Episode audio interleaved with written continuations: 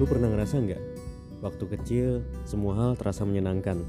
Tapi semakin lu dewasa, hal-hal yang menyenangkan tersebut semakin menghilang dari hidup lu.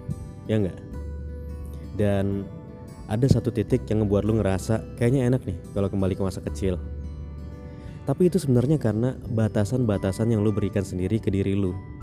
Misalnya lu punya standar, gue bakal bahagia kalau gue punya mobil, gue bakal bahagia kalau gue punya rumah, atau gue bakal bahagia kalau gue punya banyak duit.